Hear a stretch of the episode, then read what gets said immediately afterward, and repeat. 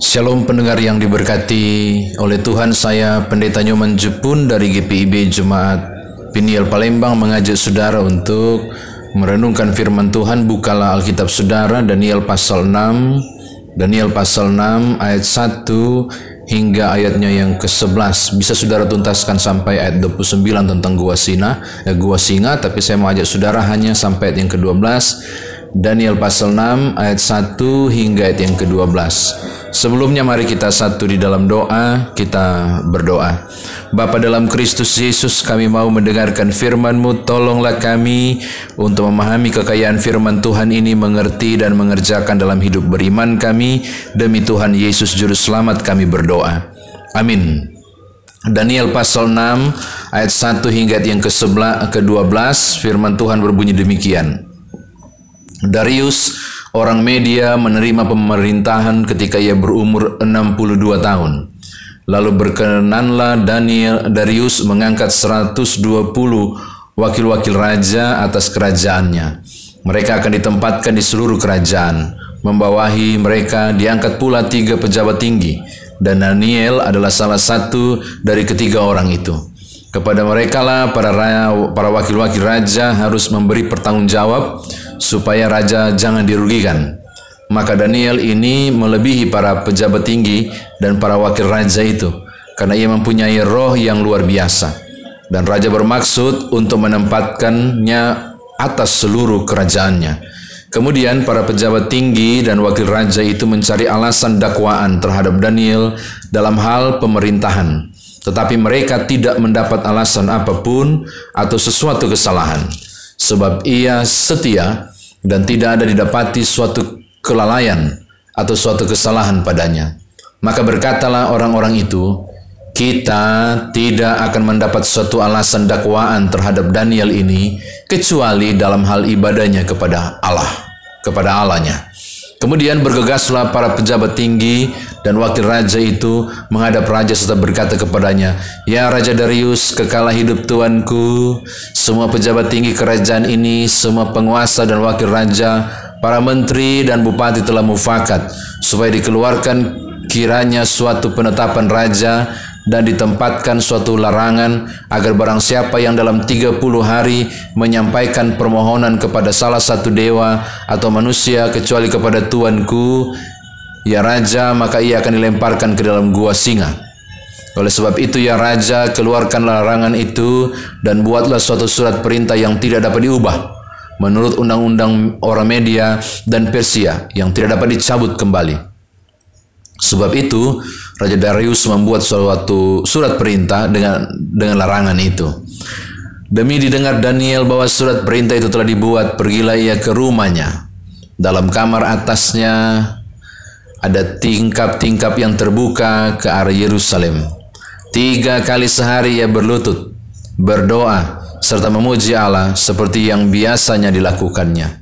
Lalu orang-orang itu bergegas masuk dan mendapati Daniel sedang berdoa dan bermohon kepada Allahnya. Demikian firman Tuhan, saudara saya dikatakan berbahagia jika mendengarkan firman Tuhan ini merenungkannya, memberitakannya, istimewa melakukan dalam hidup beriman kita. Bapak Ibu, saudara kasih dalam Tuhan, seperti renungan yang lalu saya sudah katakan Daniel uh, dari bahasa Ibrani Allah adalah hakimku, dia diganti namanya menjadi Belsasar yang berarti kiranya ibu dewa Bel melindungi raja. Seperti yang saudara ketahui, waktu lalu saya sudah menjelaskan bahwa dia salah satu yang direkrut para pemuda yang lolos untuk ikatan dinas dan kemudian ditempatkan dalam kerajaan. Lepas dari kerajaan pemerintahan Nebukadnezar masuk pada pemerintahan Raja Darius. Puncak karir Daniel adalah ketika ia berusia 90 tahun pada masa pemerintahan Raja Darius dari media yang mengangkat Daniel menjadi salah satu dari tiga pejabat raja. Dan bahkan kalau saudara membaca lebih jauh di ayat yang keempat, Raja keempat berpikir untuk menetapkan Raja sempat berpikir untuk wah dia harus jadi pemimpin seluruh negeri. Saudara bisa bayangkan ini karir yang luar biasa. Nah, saya mau ajak saudara untuk menggali lebih jauh teks ini. Yang pertama coba lihat ayat 1 sampai 4. Saya sudah sebutkan tadi ada tiga pejabat tinggi kerajaan yang membawai 120 pejabat. Nah, tugas Daniel ini adalah sebagai supervisor saya kira. Jadi dialah yang mengawasi 120 wakil raja. Jadi ada tiga pejabat tinggi yang mau mengawasi 120 wakil raja. Salah satu dari tiga itu adalah Daniel. Dan kalau saudara baca di yang keempat, bahkan karena prestasinya, dia akan diangkat lebih tinggi. Wow. Jadi Daniel harus mengawasi jangan sampai ada korupsi, jangan sampai raja rugi. Di ayat yang ketiga saudara menemukan itu, oke? Okay? Jadi tugas ini tidak mudah, tapi sekaligus tugas ini tempatnya basah. Karena bisa saja digoda luar biasa korupsi, sogokan supaya dapat untung. Tapi kalau saudara baca sangat jauh teks ini, Daniel tidak melakukan kesalahan apa pun. Kita temukan itu paling tidak di ayatnya yang kelima dan ayat yang keenam. Dia sangat bersih. Oke, ini catatan saya yang pertama. Yang kedua, Daniel bukan saja hidup bersih dari penyalahgunaan jabatan dan kekuasaan, dan juga mendapatkan promosi di ayat yang keempat. Tapi sebenarnya Daniel juga kalau melihat ini dia terkategori sebagai pekerja keras. Tapi bukan juga soal pekerja keras, kita harus cari tahu penyebabnya. Pada ayat yang keempat kita menemukan alasan yang cukup kuat, bukan karena Daniel. Selain memang dia bersih dan pekerja keras, kita menemukan di ayat yang keempat alasan mengapa prestasinya makin menanjak. Alkitab mengatakan di ayat yang keempat, karena ia memiliki roh yang luar biasa. Apa pun teksnya yang menyebut roh luar biasa, apa pun maksud dari ayat ini, saya yakin Daniel memperoleh karunia lebih dari orang lain. Saya kira itu maksudnya. Bahwa Daniel mendapatkan karunia lebih, dia mengolah karunia itu, dan kemudian berkarya. Alias Daniel tidak memiliki mentalitas tanam talenta. Jadi sudah dapat ini dan berpuas. Enggak, dia mengolah berkat itu. Ini ini yang menyebab sampai dia kemudian menanjak luar biasa karena roh Allah dia olah luar biasa. Oke? Okay?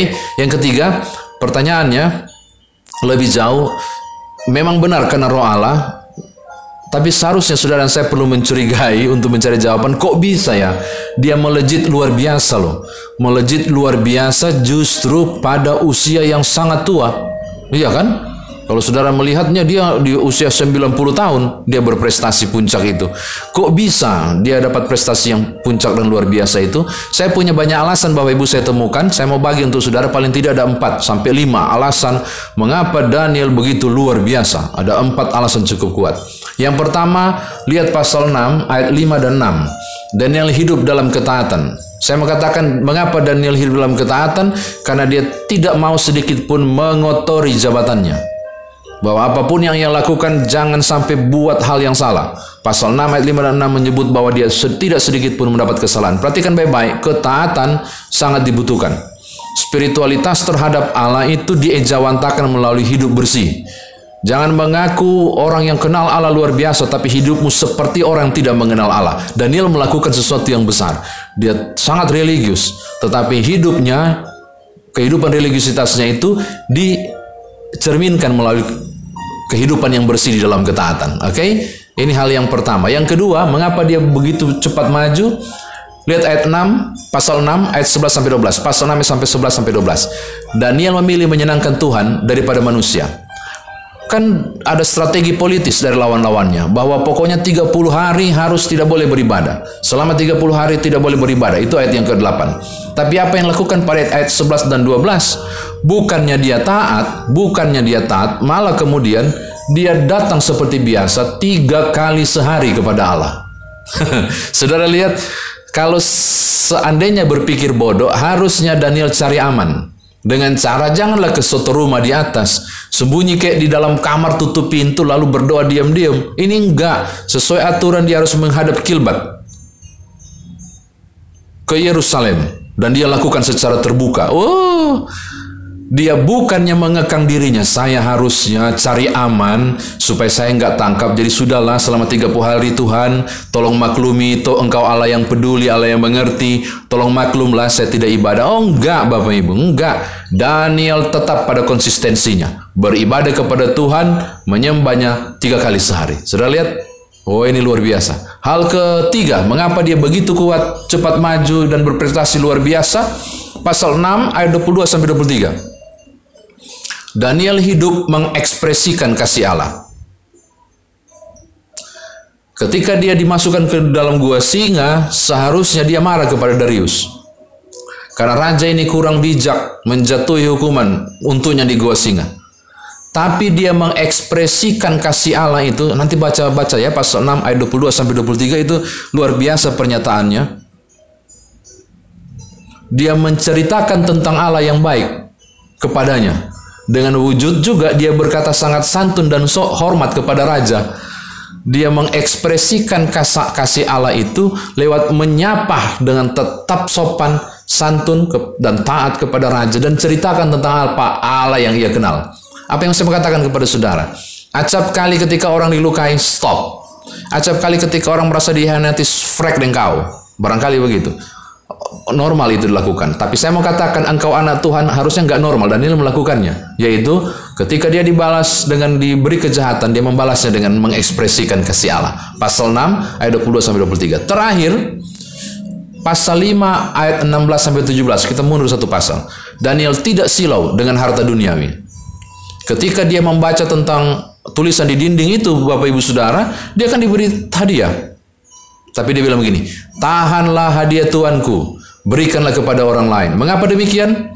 Karena yang utama bagi Daniel adalah menyampaikan pesan Tuhan melalui tulisan itu dan bukan soal iming-iming hadiah yang menggiurkan. Saya mau katakan Daniel tidak silau terhadap harta. Tapi dia tetap fokus pada misinya. Misinya apa? Menyampaikan arti dari maksud tulisan itu. Jadi saya mengatakan Daniel tidak teralihkan fokusnya dengan harta dan kekayaan. Saya kira demikian firman Tuhan ditafsirkan. Nah sekarang bagaimana saudara dan saya membawanya dalam kehidupan beriman. Bapak Ibu ada tiga hal yang pesan dari bacaan kita ini. Yang pertama, saya mau bilang begini, belajar dari Daniel, belajar dari Daniel kita diingatkan. Jangan hanya bangga dan berhenti menjadi orang Kristen yang percaya. Saya ulangi, Jangan hanya bangga dan berhenti pada menjadi orang Kristen yang percaya. Tapi jadilah orang Kristen yang dapat dipercaya orang lain. Mudah-mudahan saudara tangkap maksud saya. Bahwa kita acap kali dilihat sebagai seorang Kristen yang percaya kepada Allah, saudara tinggal di etalase dan saudara akan dinilai orang. Karena itu, selain engkau menjadi seorang Kristen yang percaya, jadilah seorang Kristen yang dapat dipercaya orang lain. Daniel adalah pribadi yang sangat dipercayai di kalangan istana termasuk raja karena sikap dan sifatnya yang ditunjukkannya. Saya mengatakan hal yang sama kepada kepada saudara. Jika saudara mengaku percaya kepada Yesus Kristus, saudara menjadi seorang Kristen yang taat, seharusnya saudara juga dapat dipercaya oleh orang lain. Memiliki integritas bukan cuma soal spiritual, tapi pengakuan oleh banyak orang di luar sana. Sebab melalui itu saudara sedang bersaksi. Kan aneh kalau kemudian ketangkap korupsi. Siapa dia? Nyoman Jepun, apa agamanya? Kristen. Memalukan. Jadi selain engkau percaya pada Yesus Kristus, engkau juga harusnya dapat dipercaya oleh orang lain. Seperti Daniel. Amin. Ini hal yang pertama. Yang kedua, pada zaman Daniel bangsa media menyembah berhala. Tetapi Daniel justru tiga kali sehari berlutut untuk berdoa dan menyembah Allah dan setia beribadah kepadanya. Saya mau katakan hal yang sama kepada Bapak Ibu, hati-hati. Lingkungan sering kali mempengaruhi pola pikir saudara. Pola tutur, pola laku setiap orang. Kita berada di lingkungan yang sangat luar biasa menyebab saudara. Di mana saudara berada di lingkungan yang jahat, orang itu bisa jadi jahat. Ketika saudara orang itu berada di lingkungan yang tidak baik, orang itu bisa jadi baik. Tapi saya mau katakan ternyata enggak. Orang yang memiliki integritas spiritual yang sangat baik harusnya tidak dipengaruhi oleh lingkungan, tapi sebaliknya mempengaruhi lingkungan itu. Jangan jadi sebutir telur yang ketika berada di air panas kau menjadi mengeras. Jangan jadi sebutir kentang yang ketika berada di air panas menjadi lembek. Tapi jadilah sebutir kopi ketika berada di air panas membaui air itu menjadi aroma kopi dan merubah air itu menjadi warna hitam. Jadi kita tidak dipengaruhi oleh lingkungan. Tapi kitalah yang mempengaruhi lingkungan. Daniel melakukannya. Ketika dilarang beribadah, dia tetap beribadah. Dan karena ibadahnya itu, dia mempengaruhi Raja Darius akhirnya kan. Saya mau katakan sangat penting engkau memberi pengaruh positif kepada dunia di mana saudara berada. Jangan terbalik, engkau dipengaruhi oleh dunia. Itu pasal 6 ayat 26 sampai 28. Wow, dia mempengaruhi imannya Darius. ini luar biasa. Yang terakhir ayat yang ketiga saya mau tutup firman Tuhan ini. Banyak orang melupakan Tuhan saat telah mencapai nikmat hidup. Tapi tidak demikian dengan Daniel. Kesetiaannya kepada Tuhan tetap terjaga. Saya mau katakan hal yang sama kepada saudara. Semakin bergumul, seharusnya semakin kita dekat dengan Tuhan. Namun, jika kita jauh dari persoalan, jauh dari hidup kerohanian dari Tuhan, Kita kemudian tergoda untuk melakukan sesuatu yang ketika sudah enak, ketika sudah puncak jabatan, ketika segala sesuatu tidak ada persoalan, engkau akan makin jauh dari Allah. Daniel adalah contoh integritas iman yang teruji. Di situasi mana pun, di saat dia senang maupun dia tetap disusah, dia tetap dekat kepada Tuhan. Ini yang paling penting, ini yang sangat luar biasa. Maka ketika engkau telah mencapai puncak yang sangat tinggi dan Tuhan memberkati engkau berlimpah-limpah, maka seharusnya engkau tidak melupakan Allah. Daniel melakukannya di kepuncak karir sekalipun, dia tetap bertahan dalam imannya. Kiranya saudara saya mampu berkarya seperti Daniel menjadi pribadi yang teladan, mempengaruhi dunia sekitarnya dan tidak dipengaruhi oleh orang lain. Bahkan menjadi berkat bagi Darius. Darius-Darius yang lain di mana pun saudara berjumpa. Di tiap-tiap perbedaan iman sekalipun saudara menjadi berkat. Tuhan berkati Bapak Ibu. Haleluya. Amin. Mari berdoa, Bapa kami sudah mendengarkan firman-Mu. Kami bersyukur untuk kebenaran yang kami dengar. Kami mohon pakailah kami, pakailah kami dalam nama Tuhan Yesus seperti Daniel. Tapi bentuklah kami juga. Sebagaimana Daniel Tuhan bentuk. Supaya di mana pun kami berada, kami bukan hanya menjadi pribadi yang percaya kepada Allah di dalam Yesus Kristus. Tapi kami juga dipercayai orang lain untuk menjadi kesaksian. Kami tidak dipengaruhi oleh situasi dan lingkungan. Tapi sebaliknya kami mewarnai situasi lingkungan ini dengan iman dan ketaatan kami kepada Allah. Terpujilah namamu. Ini doa kami demi Tuhan Yesus Juru Selamat. Kami berdoa. Amin.